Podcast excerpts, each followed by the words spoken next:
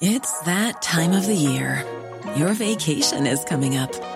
You can already hear the beach waves, feel the warm breeze, relax, and think about work. You really, really want it all to work out while you're away. Monday.com gives you and the team that peace of mind. When all work is on one platform and everyone's in sync, things just flow wherever you are. Tap the banner to go to Monday.com. Hey, I'm Ryan Reynolds. Recently, I asked Mint Mobile's legal team if big wireless companies are allowed to raise prices due to inflation. They said yes. And then when I asked if raising prices technically violates those onerous two year contracts, they said, What the f are you talking about, you insane Hollywood ass? F- So to recap, we're cutting the price of Mint Unlimited from $30 a month to just $15 a month. Give it a try at mintmobile.com slash switch. $45 upfront for three months plus taxes and fees. Promo for new customers for limited time. Unlimited more than 40 gigabytes per month. Slows. Full terms at mintmobile.com.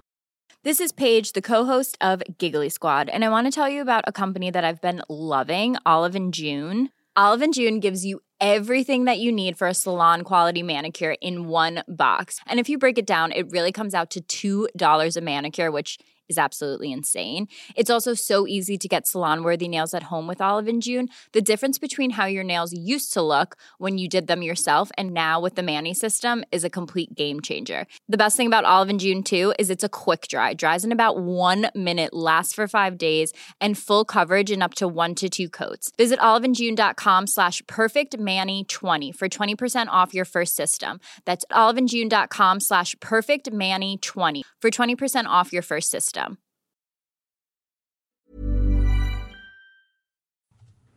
Palmemordet, Stockholms försvarsskytteförening del 2. Jag heter Dan och med mig idag, liksom i förra avsnittet, har jag Erik. Hej Erik! Hejsan Dan. Ja, nu sitter vi här igen. Det var länge sedan. Ja, det... Vi hann nog för att dricka upp kaffet mellan programmen här. Nej, det var förra veckan. Ja. ja, just det. I förra avsnittet så gick vi igenom då de sju ursprungliga medlemmarna i Stockholms försvarsskytteförening. Eller de medlemmarna vi hittade från 87 09 30. Och det var då polisman A, polisman D, Ingvar G, Bernt G, Lars U, Per-Ola K och Per A. Och vi fortsätter den här veckan med att titta på medlemslistan från 1989 där föreningen har vuxit betydligt. Till 18 man. Och det här är den första riktigt officiella listan som finns. För den här då är den så registrerad i Pistolskytteförbundet, ja. Just det. Och, eh, Och det här är alltså i, vid årsavslutet. Det är därför man har 1231 där va. Precis. Så det är de som varit aktiva under själva hela 89. Och vi kan konstatera då att Per-Ola K och Bernt G inte längre är medlemmar. De har fullt upp med annat vid det här laget. Per-Ola K kan vi kanske förstå. Ja, och här finns alltså då... Men, ja, ja. Bland medlemmarna nu kommer vi hitta åtta polismän eller före detta polismän. Fyra FME-handläggare och tre militärer. Eh, ja, och vi börjar väl med att gå in på medlemmarna. Det är alltså, för att vara väldigt tydlig, polisman A, polisman D, Lars U, Ingvar G och Per A som vi pratade om i förra avsnittet. Alltså fortfarande medlemmar. Så att det finns 13 personer vi kommer att gå igenom i det här avsnittet. Så vi är redan fem. Och den första av dem ska vi prata väldigt kort om. Det är Antti A. Idag riksdagsman för Moderaterna. Sitter i riksdagen. Ja. Jobbade som knarkspanare vid Norrmalmspolisen. Ja. Eh, Vid mordtillfället 1986. Anti A finns det en hel del intressant att prata om. Men det ska vi inte göra här. Utan det ska vi göra i ett speciellt spår. Vi kommer att prata om honom i samband med spåret Dekorima-mannen som numera finns på patreon.com slash Palmemordet. Andra personen är Peder B. Eh, Peder B född 1956 är medlem i Stockholms försvarsskytteförening 1989 och det är ungefär allt vi vet om Peder B. Mycket ja, mystisk person i den meningen att vi inte vet någonting. Nej. Så om någon har några uppgifter om Peder B så skriv dem i kommentarerna på Youtube eller på Facebook för att vi vet ingenting. Så vi hoppar direkt Det enda vi vet är att han inte bor kvar i Stockholm. Jaha, det vet vi. Ja. Vet vi att han är i livet? Eh, Jag kollade inte upp det när jag fick reda på hans eh, ja, födelsedatum här då. då. Ja. Jag kollade inte upp det, men det var, det var inte så länge sedan det stod. Jag tror det var 2013 jag såg de uppgifterna, så jag förmodar att han är det. För han så gammal är han ju inte. Om han född 56 så är han ju 61 blir han år, Ja. så är inte speciellt gammal. Så vi lämnar PDB och går vidare till en mycket intressant polis som heter Sonny Björk. Ja. Och här kan vi då säga hela namnet. Sonny Björk är en officiell person i Palmeutredningen. För han har en väldigt viktig roll i Palmeutredningen. Vad var hans jobb i Palmeutredningen? Vapenexpert. Ja, Eh, kort och gott. ja.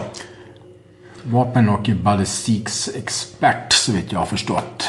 Eh, och även har varit eh, skytteinstruktör. Men är... Eh, eh, alltså han, är- han är alltså polis i grunden. Så att han är inte någon som man tar in som på kons- konsultbasis. Han är poliskommissarie. Han är poliskommissarie. Så han är faktiskt eh, ganska bra upp i graden. Han är poliskommissarie i fall eh, tre eller fyra steg. Va? Oj. Ja. Så att...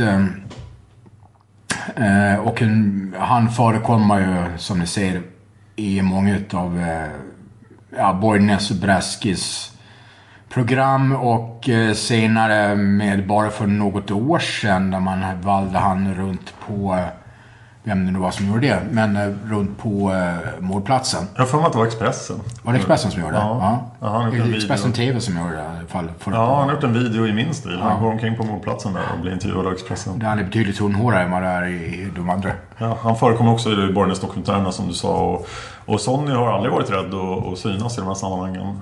Han, han har ju pratat officiellt för Palmeutredningen och så, om de här frågorna. Ja, prata om Palmeutredningen och om synnerhet Christer Pettersson. Ja, jag nämnde ju Sonny Björk i eh, Vapnet och kulorna, ett av de här första avsnitten jag gjorde av podden. För att det finns en väldigt bra dokumentär där Lars Borgnäs då debatterar med Sonny Björk om det går att modifiera ammunition eller inte. Och om man skulle kunna avfyra den ammunitionen från till exempel en 38 special. Ja, Eh, Och Lars Borgnäs då driver då ett ganska övertygande argument att man kan det. Men Sonny Björk ja, blir väl i princip överbevisad om det här i, i dokumentären. blir kraftigt överbevisat i och med att de har den, nämligen eh, en person som gör det i, i grunden, i inspelat. Exakt. Så det kan man säga att eh, Sonny säger ja, men om man tänker på det sättet. Ungefär vad han slänger till sig med. Påminn mig att, eh, om det i kommentarerna så ska jag gräva fram en länk till den dokumentären. För den är definitivt värd att se. Har vi något mer att säga om Sonny Björk här? Ja, eh, han kom ju också snabbt in i utredningen, givetvis som eh, vapenexperten, eh, polisens egen vapenexpert. Eh, vilket han eh, har varit under lång tid, var före och efter. Ganska lång tid tror jag. Väl ansedd fast han ändå låter lite klantig mellanåt.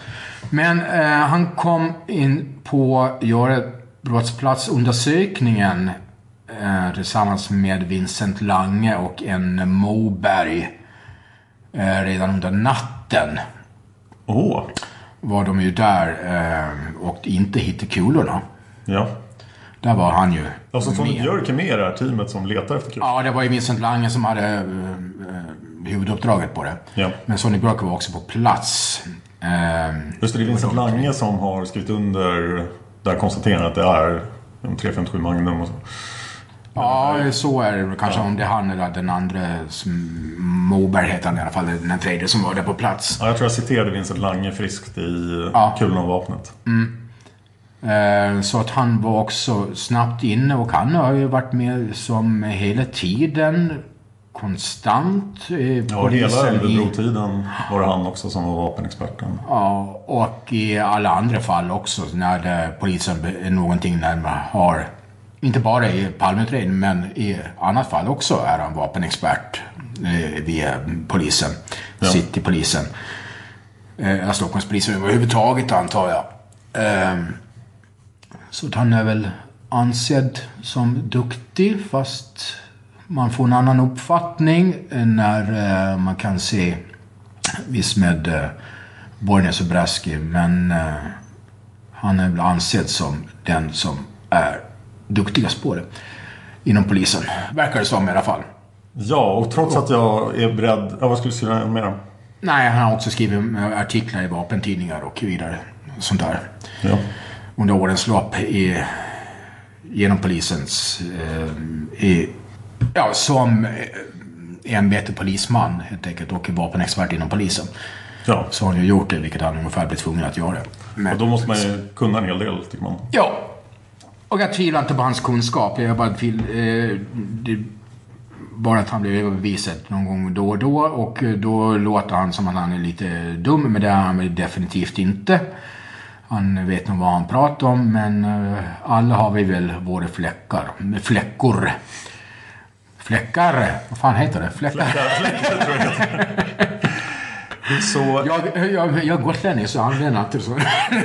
Sig. vi kan ursäkta allting med det. Du är gotlänning. Eh, Och trots att jag är beredd att säga Sonny Björks hela namn då så kommer vi till en till polis nu som inte är misstänkt för någonting men det finns så mycket underliga uppgifter med den här polisen att jag vill ändå kalla honom för Ulf H. Och Ulf H jobbar då vid tiden för mordet på, i Södermalmspiketen i vanliga fall. Han ska sitta i den här 3230 som är ute på irrvägar på Norrmalm när Palmen blir skjuten. Men han gör inte det utan han jobbar extra med någonting annat. Vad gör Ulf H på mordnatten? Han har, jag tror att det är samma dag eller om det är dagen innan. Där han, eh, alltså inte får uppdraget utan han begär själv att få inre tjänst på eh, Länsalarmeringscentralen. Ja, Eh, LAC förkortat, eh, förkortat. Och det är det som eh, bandet som ni har eh, därifrån mordplatsen där man eh, konstaterar med i alla fall taxi ringa bland annat. Ja. Och det är LAC-bandet och det är på den enheten han jobbar. Läns alarmeringscentralen som eh, eh, tillfälligt den här kvällen ja, den här kvällen sitter alltså Ulf som spindeln i nätet för all poliskommunikation i Stockholms innerstad. och egentligen inte ens har den utbildningen från grunden. Han måste ju ha kunnat det om han fick sitta där. Ja, men han har inte den utbildningen. Vem fattade beslutet att han skulle få sitta? Det har jag inte hittat någonting om. Jag har kanske inte riktigt sökt på det heller. Men han, eh, han begärde det i alla fall själv. Han blev alltså inte tilldelad utan han begärde det. Men han måste ha gjort det förut. Om man gjorde samma dag eller om man gjorde det, jag vet inte. Men vi- måste alltid komma ihåg i det här med att den här veckan är det sportlov. Ja. Och det är många som har barn i skolåldern eller som vill åka iväg upp till fjällen, åka skidor, passa på när barnen är lediga från skolan. Eller åka iväg till Alperna och åka skidor eller någonting och passa på. Så det är många poliser som är Just det. som inte är i tjänst. Och då kan det bli så här. Man kan tänka sig att LAC var tacksamma då. Han kanske hade gjort det här några gånger tidigare och eh, han, de visste att han kunde sköta jobbet.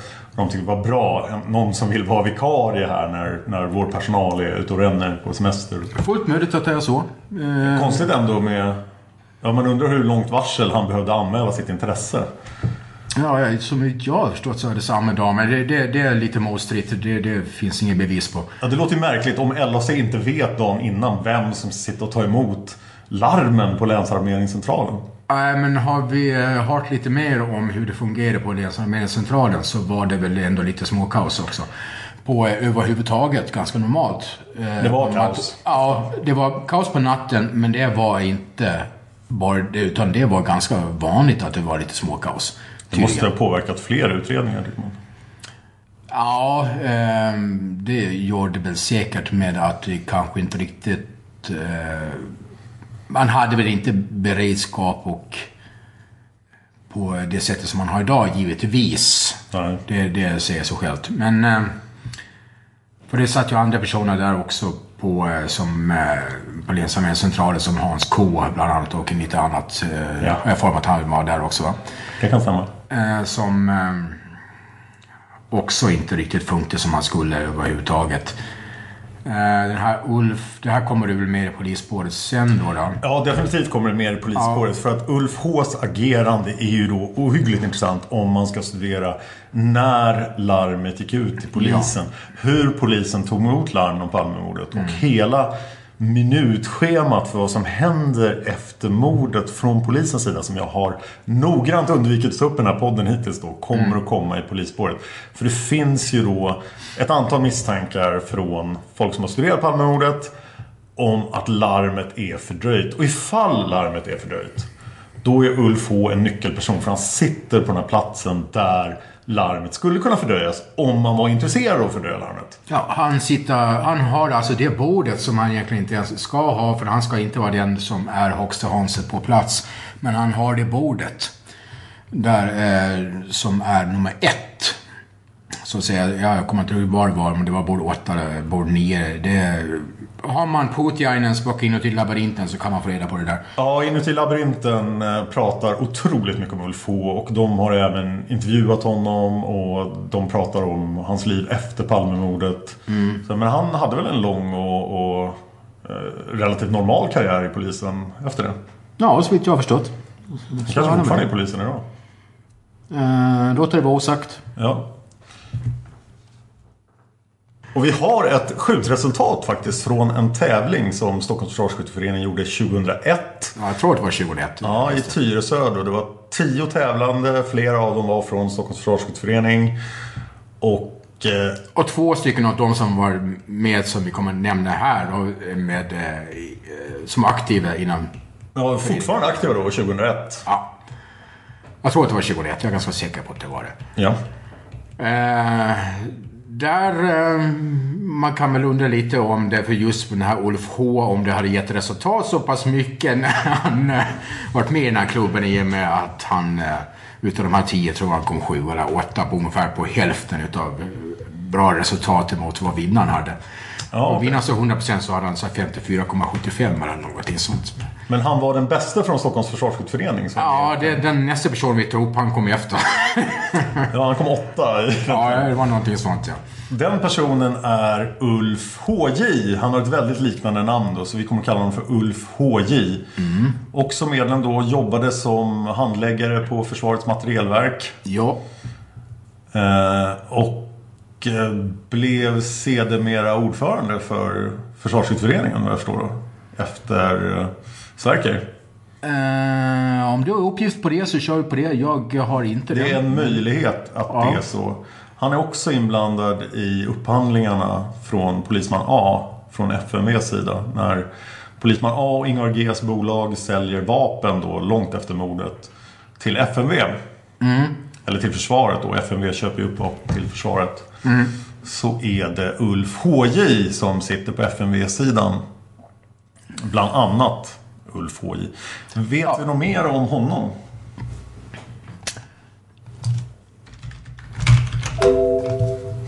Nej, det där plinget betyder att vi inte vet någonting mer om honom. Jaha, okej. Nästa person från Stockholms Försvarsskytteförening 1989 är Fredrik K. Också en FMV-handläggare. Och senare i sin karriär som en chef för informationssäkerheten vid Rikspolisstyrelsen. Så det var ju ett bra steg uppåt. Eh, om den här mannen, Fredrik K, så cirkulerar uppgifter som verkar vara felaktiga. Kan du berätta mer om det? Eh, lite som jag tycker sig mot sig själv. För det var någon som eh, eh, skrev någonstans att de har gjort en sammanställning på personerna. Vad det är de gjort efter de varit med i just den här försvarsskytteklubben. Eh, så att han skulle vara lektor vid ett universitet och inom rättsmedicin. Men jag tycker knappast att han skulle kunna hinna med den karriären när han kommer från militär bas från början och jobbar på FMV som handläggare. Så jag tror att det är fel Fredrik K som man har plockat fram där. För jag tror det fanns fyra stycken i Sverige Jaha. med det namnet. Så att det, ja, det är bra att vi kan ta bort lite felaktiga rykten. För det cirkulerar ju massor av rykten om de här människorna. För jag tycker det faller på sin egen uh, orimlighet att han skulle vara den...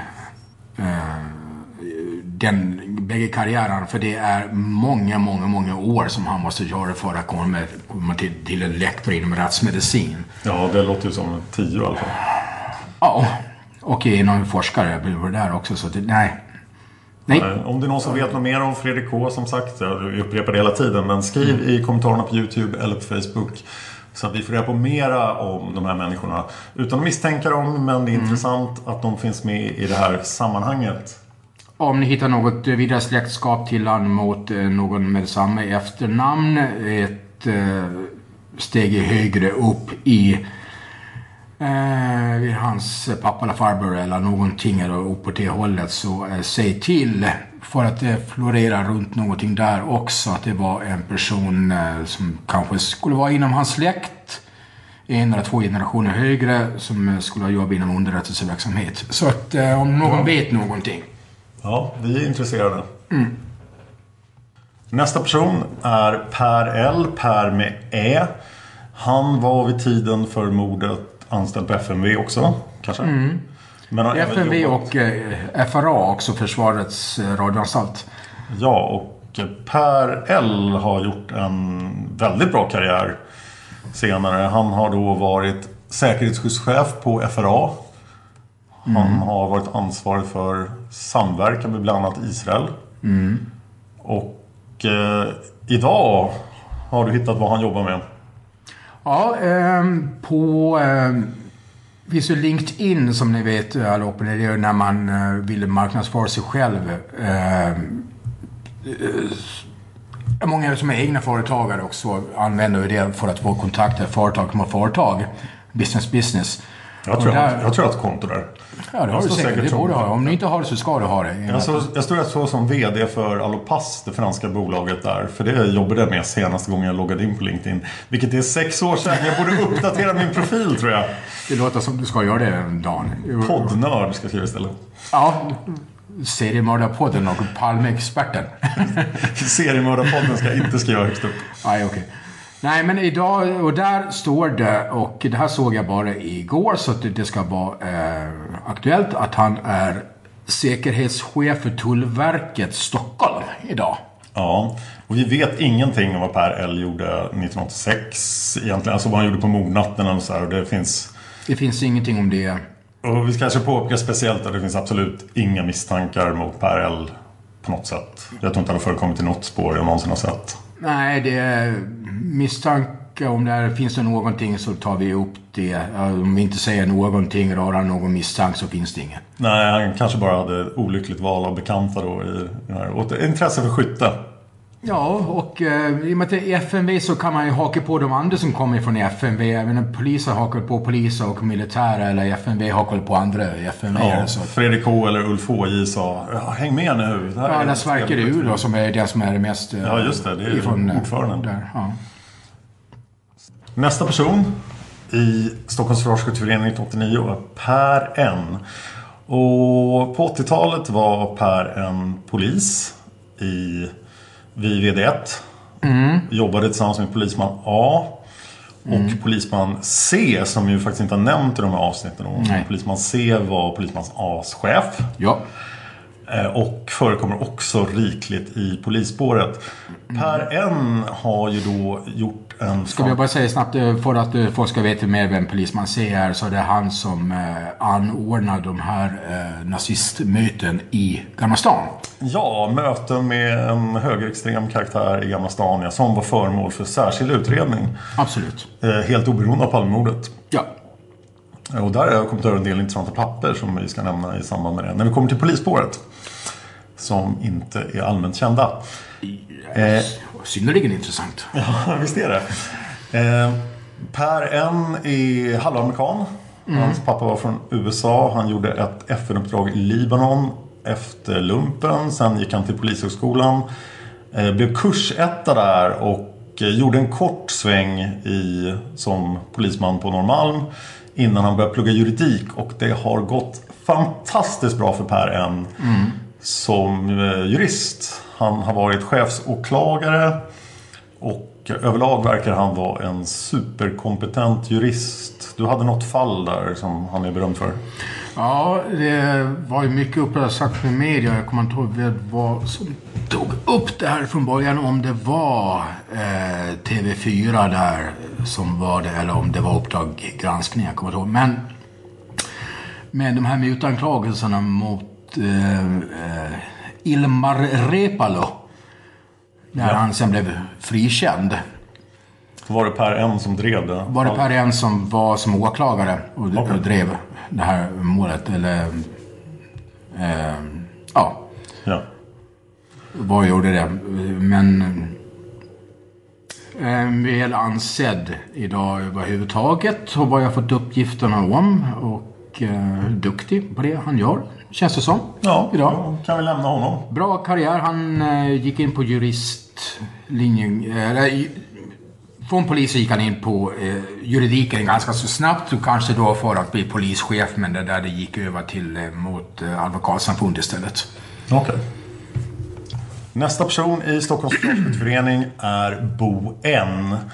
Och Bo N var eh, ett polisbefäl på A-turen 1986. Eh, vi vet väldigt få fakta. Det här är ett väldigt vanligt efternamn då. Och vi vet väldigt få fakta som är säkra om Bo N. Men det förekommer ett en hel del rykten om dem. Så vi ska prata om dem också. Och vi tror att de ryktena inte stämmer. Det vi vet är att Bo N förekommer i granskningskommissionens rapport. Han är nämligen en av polismännen från VD1 som har besökt Sydafrika. Ja. Och han var också en licensierad hunddomare i Kennelklubben 1985. Och han hävdade väl att hans besök i Sydafrika hade att göra med eh, hundsaker. Ja, att det var i hans... Eh, just som hunddomare, för han åkte runt i hela världen. Just det. Tydligen. Han var en väldigt duktig hunddomare. Så Ja, det måste man ju vara då i så fall. Om man eh, reser runt och med det runt i hela världen. Men då var han alltså i kombinerad tjänst eh, med tävling i Sydafrika. Eh, och semester. Så han Ja. hade med sig sin fru också, har jag förstått. Eller om det var hans kollega som hade med sig sin fru, jag kommer inte riktigt ihåg. Eh, men ehm, Sydafrika 85 var han det. Som skulle alltså döma, men också semester. Och då, då vill jag säga att just de här polismännen som besöker Sydafrika innan mordet, de är några stycken. Och det här kommer jag ta upp i, nog både i polisspåret och i Sydafrikaspåret. Men eh, det finns ju då två andra Boen förmodligen som folk har kopplat ihop med det här namnet i Försvarsskytteföreningen. Och vi tror att det inte stämmer. Nej. Den första personen är... Men eh, vad vi skulle lägga till bara med det här, Ja, just med Sydafrika, det var att han träffade sydafrikanska poliser. Och det är alltså bekräftat i alla fall att han gjorde det på den här resan. Ja. Och den andra som var med, som hade semester, också träffade som heter Leif M. Eller om det är Lars M. Leif M tror jag han heter. Ja. Eh, eh, träffade också de här sydafrikanska poliserna och efter det här så, eh, så fick han eh, Kennelklubben och i och med att han var polis där så eh, sa han nej till alla andra uppdrag som hade med Sydafrika att göra i och med att det blev för mycket gast runt det. Men det var hade polis och det var apartheid och allting. Ja. Så att eh, det är vad vi vet. Och hade Om man, Bo- och det här står i hade- granskningskommissionen så det här är bekräftat i alla fall. Verkligen. Och hade Boen varit eh, lite mera framtänkt så hade han förstås undvikit att åka till Sydafrika innan då om han inte hade någonting med... Ja. det var olyckligt för Boen att han hade råkat vara hunddomare Så i... Eh, Då kommer vi in på de här två ryktena. Det första är en Boen i eh, Eskilstuna. En Mm. känd Palmehatare och eh, en övertygad nazist och öppet nazist. Ja. Som förekommer som någon slags ja, farfarsfigur nästan för, för högerextrema element. Eh, ända fram till 2008 hittade en artikel från eh, Eskilstuna-Kuriren som jag tror var 2008. Där det står om honom. Ja, det är både Eskilstuna Kuriren och Korren i Norrköping också tagit Ja. den. Så att, Men det är alltså inte Sam Boem. Det är ingenting som stämmer där. Nej, eh, vi kan ju givetvis inte säga på rak arm att det är så, men det stämmer. Liksom, får inte ihop det här på något sätt. Den bojen verkar inte ha någon polisiär eller militär bakgrund. Och han har varit öppen nazist redan under 70-talet. Eh, han har kandiderat, eh, kandiderat för, eh, vad heter de då? Det var innan Sverigedemokraterna hette de. Eh, Sverigepartiet PSS eller någonting. Sverigepartiet. Ja. Framtidspartiet. Det fanns ett antal uppslut. Ja, någon av de här. Ja. Eh, till post där också. Han har även gjort det för eh, Sverigedemokraterna senare. Undrar om jag nämnde honom i Svensk Extremhögeravsnitten. Nu blir jag tveksam. Om någon kommer ihåg det så säg till. Det var ett tag sedan. Men eh, så att han känns totalt fel. Och när man ser intervju och allting här runt den här Bo N som eh, åkte för mordbrand och sitter två och ett halvt år och håller sig undan rättvis. Nej, han håller sig undan rättvisan två och ett halvt år innan tills han var dum nog att dra, dra hem och blev tagen. Jaha. Så att eh, han har haft mycket fuffens och han var öppen nazist så pass länge så han kan aldrig ha haft det här arbetet som polis anser jag. Nej. För då hade han ju aldrig fått det här i och med att han var öppen. Han skrev eh, i propagandatidningar och eh, skulle inte förvåna Jag mig över sån här... eh, Ja, Där. alla andra. Vi- vi lämnar jag, honom. jag, jag tror inte att det är den Bo än i alla fall. Men sen har vi rykte nummer två då som är lite, lite mer ihärdigt. Och då finns det en Bo N som alltså är rektor på Polishögskolan. Jag tror han är biträdande rektor. Biträdande rektor och chef för Farbror Åke. Just det, Ehm, och bland annat. ja... ehm, och den här Bo N då är ju ganska nära de här kretsarna vi rör oss i här. Men däremot så känns han i... Om man tar alla de andra som är med här så har inte de en så pass hög befattning som den här Bo N har. När, Därför när vi pratar 1986. När vi pratar 1986, ja. Även om det finns folk som blev chefsåklagare och höga chefer sen så var de inte det 86. Medan Bo N, Var det. vad ska vi kalla dem, Bo N3 Ja. var, hade redan den här Ja. höga positionen. Så jag 86. tror inte riktigt att han känns som att han skulle gå med här. Han verkar väsentligt äldre också. Än Eh. övriga. Ja, ska vi se här nu. När var den här? Han ska ungefär vara någonstans runt en 70 idag. Jaha. Eh, ja, den här intervjun som var i både Korren och i Eskilstuna, då, då var han 61. Ja men det var ju Bo N2, nazisten. Ja, ursäkta. Bra, tack.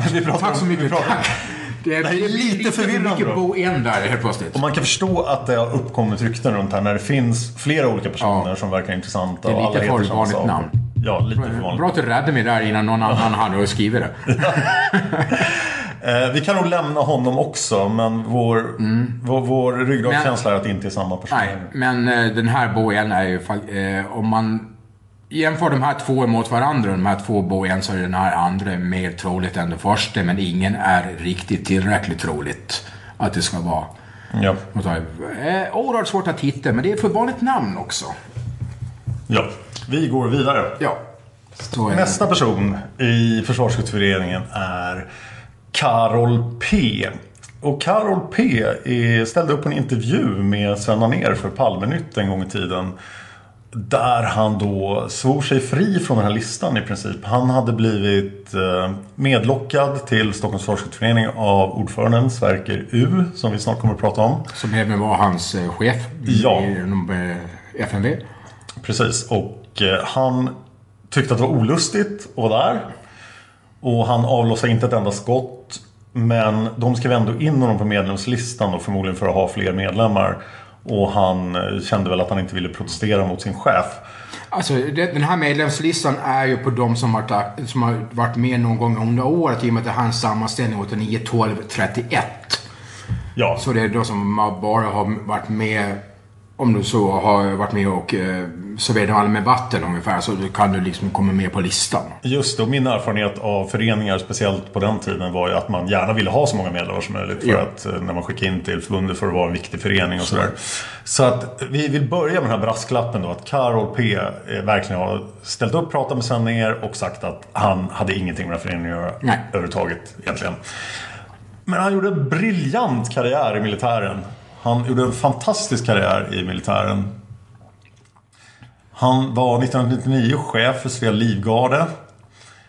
Eh, och eh, ja, som chef för Svea Livgarde har en viktig position då i försvaret av Stockholm. Eh, och folk brukar nämna då att han givetvis hade full kontroll på alla kända och hemliga tunnelsystem i Stockholm. Men det är ju i så fall 1999 och han bör ju inte haft det när han satt på FMV då 1986. Eller inte ens Nej, det 86, låter han kanske troligt. 89 han satt på FMV då. Ja, det, i och med att då hade han ju inte heller någon chefsbefattning på FMV i och med att hans chef var ju just eh, Sverker U som vi har förstått. Ja. I alla fall. Ehm, så att... ehm, eh, om man visste någonting om det, det vet jag. Men jag tror att karriären kom lite senare. Mm. Så vi kan nog lämna Karol P. Ja, men eh, som sagt var, det är en... eh, har gjort en mycket, mycket bra karriär inom eh, säkerhets... Svensk säkerhetstjänst ungefär, bara så att säga. Så, inom, Ja, inom militären, försvarets jag säga. säkerhetstjänst, så att Ja. säga. Inom militär. Precis. Nästa person i Försvarsskytteföreningen är en polis, Lars P. Och eh, vi vet ingenting om den här polisen. Och vi har även hittat ett konstaterande från Sven ner i Palmenytt att han har försökt hitta någonting om den polisen men inte heller vet någonting om dem. Så Lars P. Jag hade väl inte, en, har inte ens en, någon anteckning på honom överhuvudtaget va? Nej, Lars P. Okänd polis, medlem i Försvarsskytteföreningen 1989. Eh, Okänt hur mycket medlem han var och sådär. Är det överhuvudtaget bekräftar han det polis? Ja, jag vet inte. Ja, det är den uppgift vi har, men då kommer vi vidare till ordföranden i föreningen, Sverker U. Som vi även har en intervju med om Stockholms Försvarsskytteförening som vi ska gå igenom. Men först ska vi se vad Sverker U gör 1986.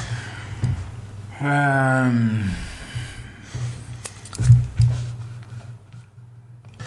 Ja, och sen har vi då ordföranden i föreningen 1989, Sverker U. Teknisk expert på FMV. Eh, lång militär karriär också, blev med tiden minst överste.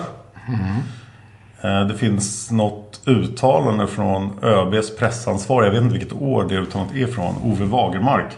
När han säger att Sverker U är en av våra främsta experter på försvarets vapen. Som överste blev han specialattaché vid Sveriges ständiga representation vid Förenta Nationerna. Mm. Eh, och var det åtminstone 2005 och 2006. Eh, Sverker U har ställt upp anonymt.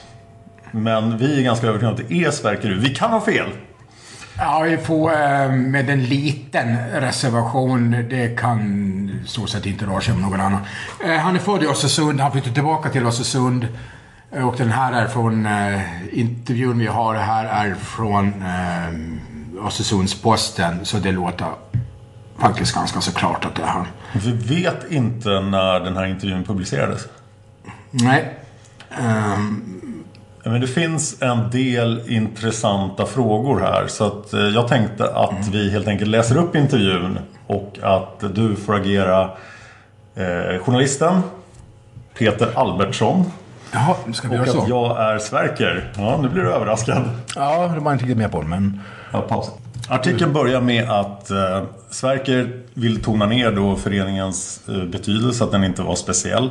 Han säger det var en vanlig skytteförening med inriktning på skytte med tjänstepistol. Det var militärer och poliser som var medlemmar. Så får han lite frågor här. Ja. Då frågar jag eh, journalisten först då. Var du med och bildade föreningen? Nej, föreningen fanns när jag kom med 1988 och jag vet inte när den bildades. Nej. ehm, hur gick det då till när ni eh, värvade medlemmar? Jag minns inte riktigt, men vad jag för mig fick man anmäla sitt intresse och sen så plockades ett visst antal ut. Det var inget stort tillflöde till föreningen. Eh, En eller ett par medlemmar varje år. Och det låter ju märkligt för vi vet ju att föreningen gick från sju, eller fem snarare från två till 18 medlemmar på bara två år.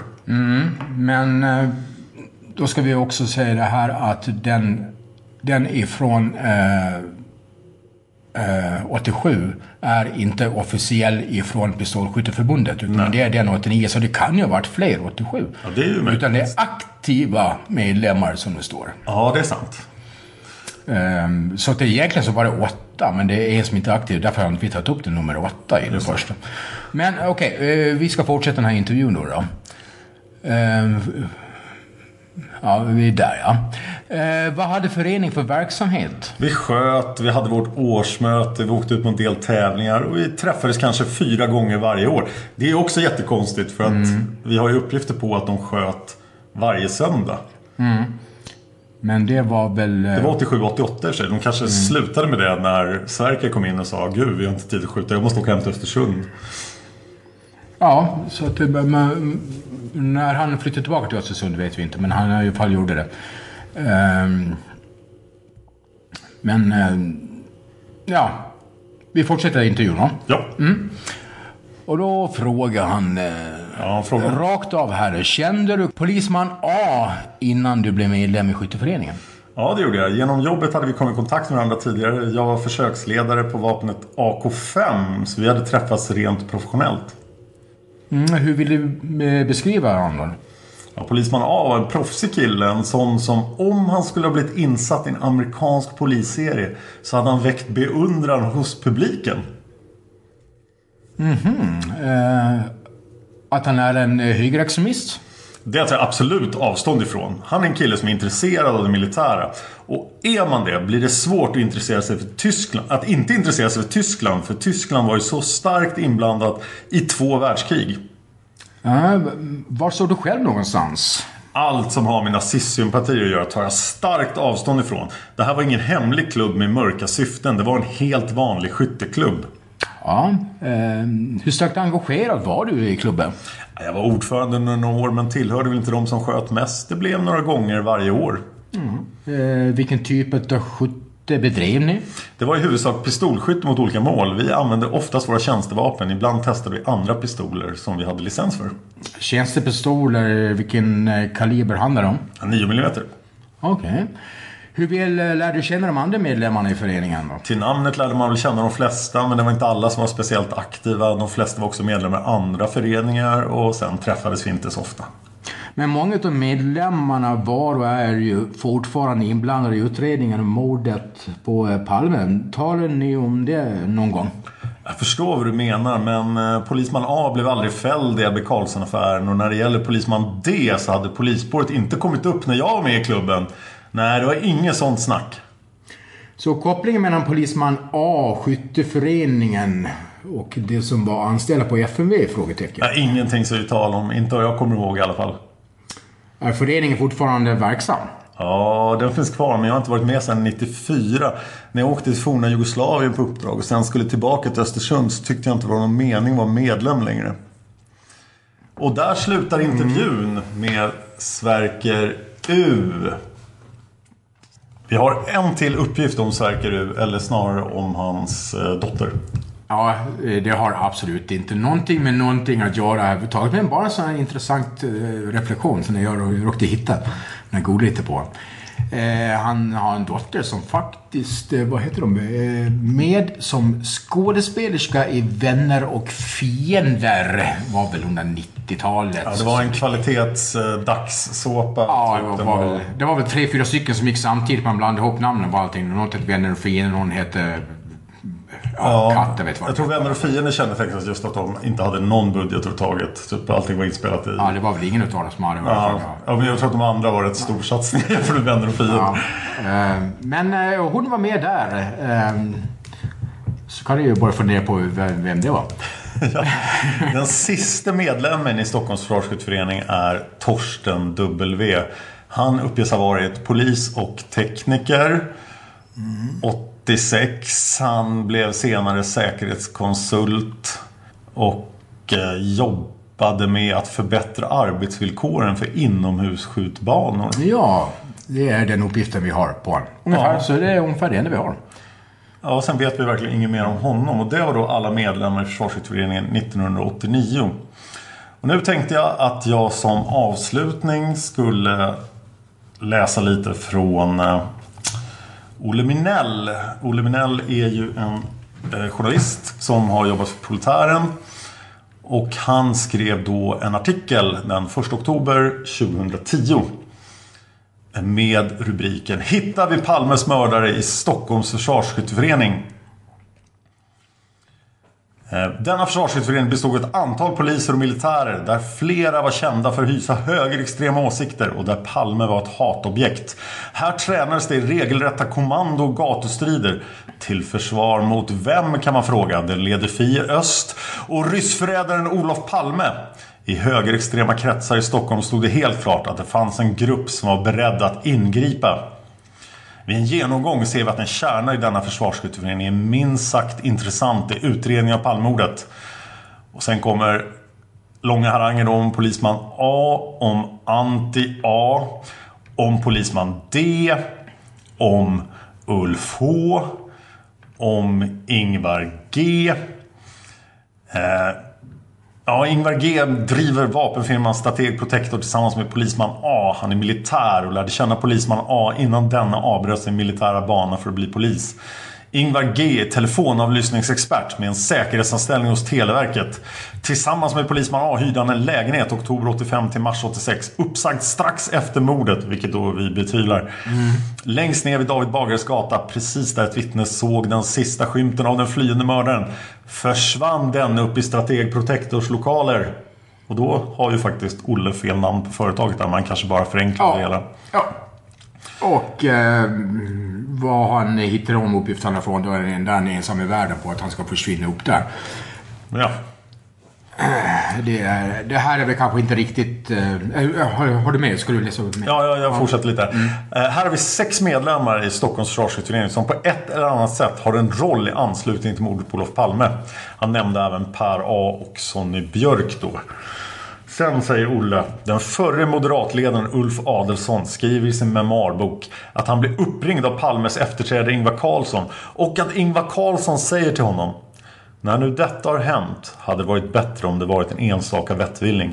Men det verkar vara mycket väl planerat lång tid i förväg. Det är ett tecken på att det finns en grupp som inte drar sig för något för att skada det svenska samhället.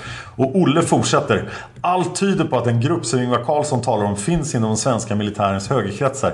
Inom Säpo och inom högerextrema element inom Stockholmspolisen. Och hittar vi de som ska genomföra det smutsiga hantverket och mörda landets statsminister. Själva hitgruppen kanske vi hittar dem inom Stockholms försvarsskytteförening. Eh, vi ska ha klart för oss att det handlar om en skicklig skytt som ändar Olof Palmes liv. Eller som rättsläkaren Kari Ormstad sa i anslutning till obduktionen. Det är ett välplacerat skott. Skytten prickade alla strukturer som borde utsläckas för att omedelbart försätta Palme i ett medelslöst, orörligt och ej reparerbart skick. Kulan gick alltså genom mittsömmen på Olof Palmes rock, in genom kotpelaren i femte bröstkotan, penetrerar matstrupen, luftstrupen, stora kroppspulsådern och bröstbenet på sin väg genom kroppen. Olof Palme var död innan han slog i marken. Christer Pettersson? Frågetecken. Eller ska vi rikta blickarna mot Stockholms försvarsskytteförening? Olle Minell, proletär nummer 39. 2010. Mm. Vi kanske innan vi ska avsluta det här ska bara säga kort någonting om Stay Behind. För Stay Behind kommer också tillbaka här i podden. Jag hoppas eh, kunna prata om Stay Behind ganska snart. Men ni som har studerat listan på Patreon.com eh, slash palmordet P-A-T-R-E-O-N eh, kan se att det sista spåret på listan det värdefullaste spåret i någon mening är just Stay Behind. Och Stay Behind tycker jag, när jag, jag har tittat på polisspåret. Det här kommer jag upprepa många gånger när vi kommer till polisspåret. Men det känns svårt att hitta ett sammanhang då, där en grupp skulle kunna agera som inte är själva polisen. Och det här Försvarskultureringen skulle kunna vara någonting. Mm. Men Stay Behind skulle då kunna vara ramverket som som en liten grupp skulle kunna agera inom. Mm. Så man skulle ju då om man ponerar vidare på det hitta då att Försvarsskytteföreningen i dess 1986 form kanske då var just stället där folk träffades och bildade den här föreningen var en Stay Behind-cell. Men det är vild spekulation men det är en spekulation som förekommer mycket på nätet. Mm. Kort om Stay Behind då alltså en motståndsrörelse som hade organiserats i förväg för att hantera en sovjetisk ockupation av Sverige. Eh, initiativtagare CIA eh, efter att ha tittat på andra världskriget sett hur motståndsrörelsen har agerat i andra världskriget eh, att det behövdes liksom erfarenhet. Att motståndsrörelserna i andra världskriget var amatörer. Det var ingen som var beredd på en tysk ockupation. Så varför inte arrangera motståndsrörelser i förväg? Och det här ska då ha skett eh, början av 50-talet. I Sverige hade sådana initiativ redan tagits och det här CIA-initiativet bemöttes väldigt positivt. Eh, och eh, det ska finnas flera sådana organisationer. Men allt det här kommer vi tillbaka till i Stay Behind-spåret. Mm.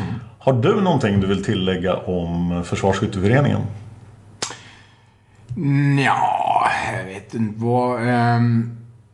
Det, jag, Alltså, jag, det, det är ju personer som är så pass centrala på något sätt.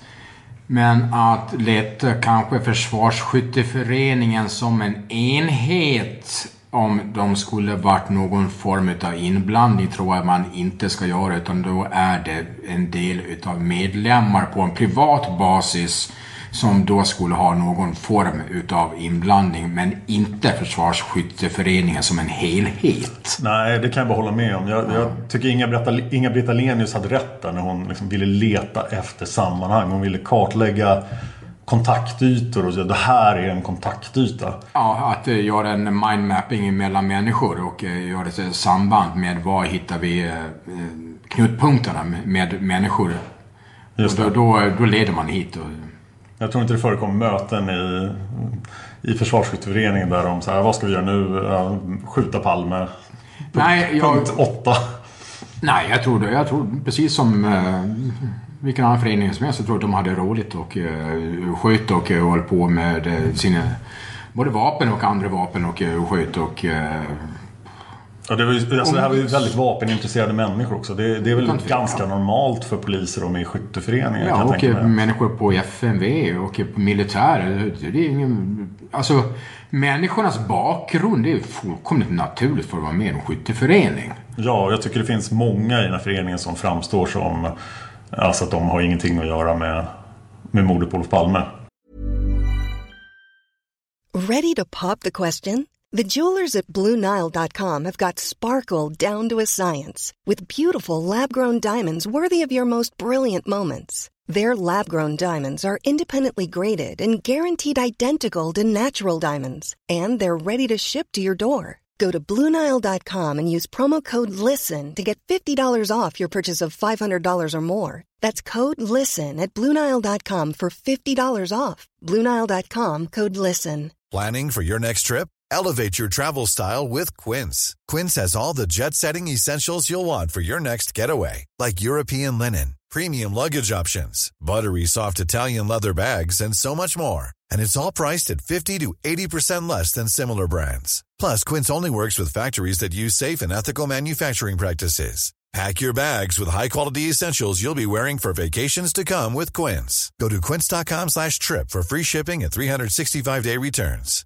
Hi, I'm Daniel, founder of Pretty Litter. Cats and cat owners deserve better than any old fashioned litter. That's why I teamed up with scientists and veterinarians to create Pretty Litter. Its innovative crystal formula has superior odor control and weighs up to 80% less than clay litter. Pretty Litter even monitors health by changing colors to help detect early signs of potential illness. It's the world's smartest kitty litter. Go to prettylitter.com and use code ACAST for 20% off your first order and a free cat toy. Terms and conditions apply. See site for details. Det kanske inte någon av dem har, men Nej. det finns några som väldigt tydligt inte har det.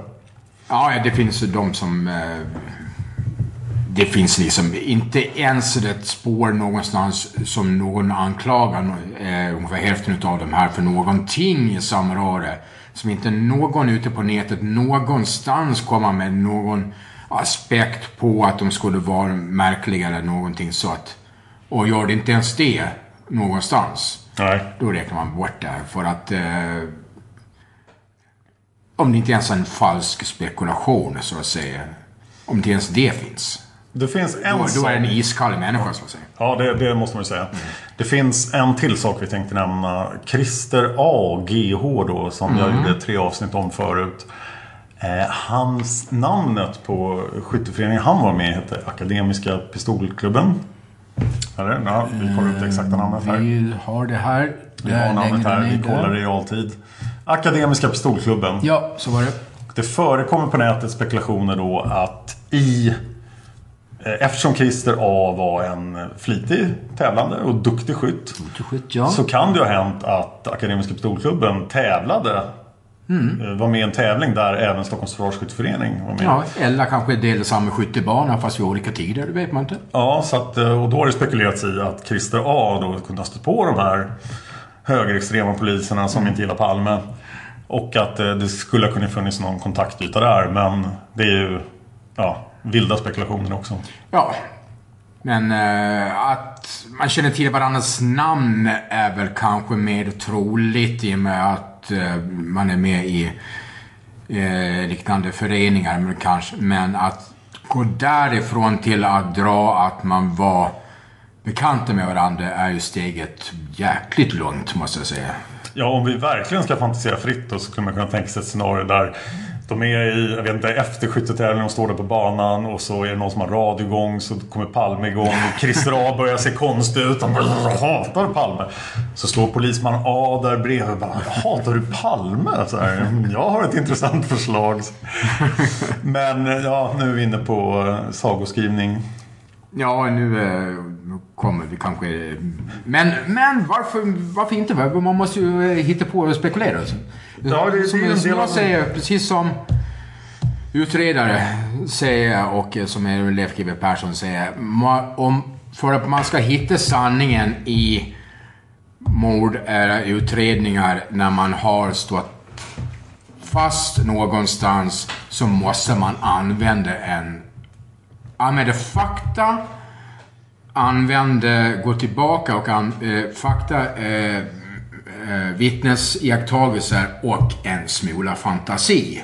Så är det nog egentligen. Så säger han, för det är en bra utredare. En bra utredare måste kunna ha fantasi och komma ifrån den vanliga, eh, alltså vanliga fakta som det finns utan att använda det kan kanske vara på det här sättet och så och så. Så det, om man ska använda fantasin, det tycker jag att man alltid ska göra. Även om det kan låta som att man är dum i skallen totalt. Liksom.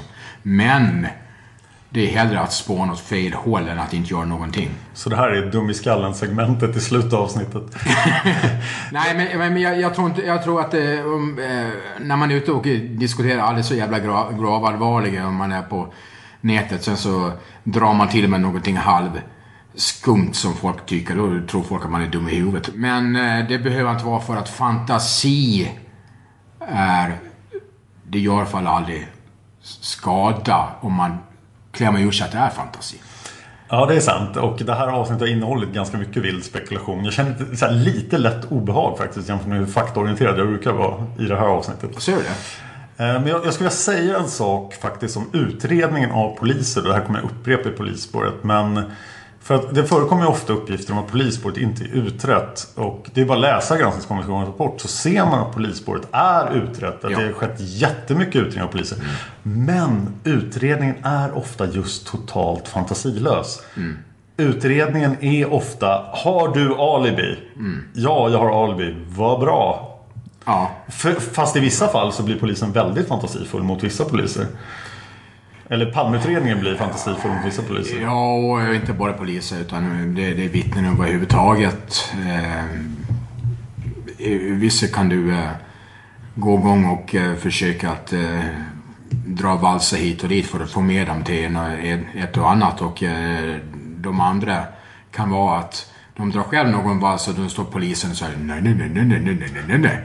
Ja. Så, så att det är eh, lite vad de själva tro på. Jag tror att mm, polisen har aldrig varit speciellt öppna för, eh, för att vara eh, större i tänkandet än vad de har varit.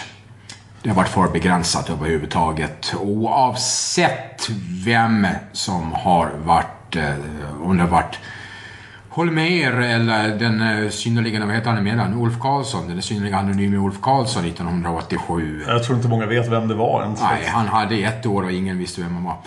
Han hade ju det, det näst mest kritiska året av Palmeutredningen som spaningsledare. Ja. och det hände nästan ingenting. Det hände ingenting och folk kände inte, visste inte ens vem han var. Innan Avlebrå kom. Och då började det hända saker. Nu har vi börjat spåra ur fullständigt här. Ja, det har vi väl gjort. Jag vet inte riktigt hur. Men... Alltså så här spårar ur, det skulle vi säkert kunna göra fem avsnitt med. Men ni får en chans att om, om ni är sponsorer på Patreon.com slash Palmemordet eller på Swish så eh, har jag arrangerat en liten specialafton den 28 februari 1986 höll jag på att säga, men det var 2017. och eh, om ni har sponsrat Palmemordet och inte vet om vad jag menar så kontakta mig omedelbart för den 28 Eh, februari kommer ni att få möjligheten, om ni är sponsorer, att träffa mig och Erik och andra Palmeintresserade. Och då kommer vi kunna spekulera utan mikrofonerna igång. Och då kommer vi kunna prata Palmemordet en hel del. Ja, och eh, öppna för eh, frågor och eh, påståendet. Och eh, ingenting är... Ingenting är mer konstigt än någonting annat när man kommer fall. Inte om man vill fråga mig om någonting. Så Ja, jag, jag, jag, jag dumförklarar ingen och någon kommer och eh, kommer någonting helt jävla vilt åt skallen. Det, det gör jag inte för jag tycker man måste kunna ta upp precis vad som helst. Ja. Vi kommer även att vara på mordplatsen 23-21. Så att, eh, och där, ja, vem som helst välkommen att prata med oss. Eh, Det var allt den här gången. Kommer Gunnar med? Nej. Eh, nej, han Nej, kommer inte inte. Gunnar Wall kommer inte vara här. Nej. Han var upptagen med annat. Han är, jag vet inte om jag får säga det men han är upptagen med att skriva en ny bok om Palmemordet. Utmärkt. Så att eh, det, Utmärkt. det är en bra ursäkt. Måste jag säga. Det tycker jag att han kan få godkänt för. Ja, vi vill gärna läsa mer. Ja. Och jag vet att han ständigt kommer över nya spännande uppgifter också. Nu ska jag avsluta på riktigt. Oj. Eh, Palmemordet finns på Facebook och YouTube som Palmemordet. Bara gå dit och prenumerera och likea. Eh, och jag finns på Dan Horning på Twitter och på Dan Hörning på Facebook. Och om man vill hitta dig Erik, hur gör man då? Eh, Jag finns på Facebook. Eh, Ni kan leta upp Erik Engström. Eh, Det finns ju fler som heter det. Jag skulle säga att man ska leta i tre, tre Facebookgrupper. Ja. Palmemordets Facebookgrupp, Palmerummet och Studio Palmemordet. Ja, det är enklast där överhuvudtaget. Eh, Och jag är ganska frekvent på att skriva där också så hittar ni kanske Hittar ni inte bland medlemmar, om man inte kan söka bland medlemmar så kan man i alla fall eh, scrolla ner och skriva mitt namn på sökning i någon av dem, då hittar ni mig som människa. Och Och gör ni fall- inte det och ni vill ni kontakta så gå och gör det då genom dagen i så fall. Ja, då är det bara att fråga mig. Ja. Tack så jättemycket för att du var med.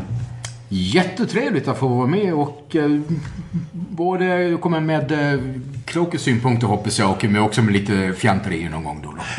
Eh, Ska vi berätta vad vi ska göra nu efter vi har eh, stängt av mikrofonen? Ja, det är du som leder programmet. Ja, nej, nu, nu ska jag och... Du, du, du har redan börjat sagt så du kan ju inte påstå att du inte ska säga något. Nej, nu säger jag mer, nu är det slut. Jo, nej, vi ska till Riksarkivet och gräva, för vi har fått en del tips om att det finns en, eh, ett antal öppna handlingar där som kan vara av intresse. Och eh, jag kommer nog att rapportera i någon form av hur det gick. Eh, så, ja. Eh, nästa vecka så är det dags att titta på en av de mest avgörande händelserna i hela Palmeutredningen. En av de absolut största sakerna som har hänt efter det andra skottet avfyrades. Vi ska titta på Lisbet Palme. Det blir Lisbet del 3. Där Lisbet kommer då med 100% säkerhet att peka ut Christer Pettersson som gärningsmannen. Tack för det. Vi hörs nästa vecka. Hi, I'm Daniel, founder of Pretty Litter. Cats and cat owners deserve better than any old fashioned litter. That's why I teamed up with scientists and veterinarians to create Pretty Litter. Its innovative crystal formula has superior odor control and weighs up to 80% less than clay litter. Pretty Litter even monitors health by changing colors to help detect early signs of potential illness. It's the world's smartest kitty litter. Go to prettylitter.com and use code ACAST for 20% off your first order and a free cat toy. Terms and conditions apply. See site for details. Planning for your next trip?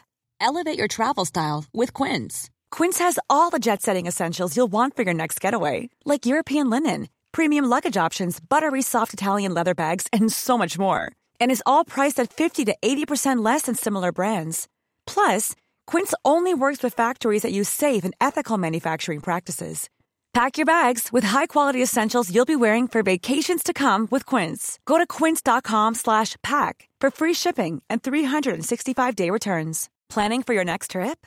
Elevate your travel style with Quince. Quince has all the jet-setting essentials you'll want for your next getaway, like European linen, premium luggage options, buttery soft Italian leather bags, and so much more. And is all priced at 50 to 80% less than similar brands. Plus, Quince only works with factories that use safe and ethical manufacturing practices. Pack your bags with high-quality essentials you'll be wearing for vacations to come with Quince. Go to quince.com slash pack for free shipping and 365-day returns.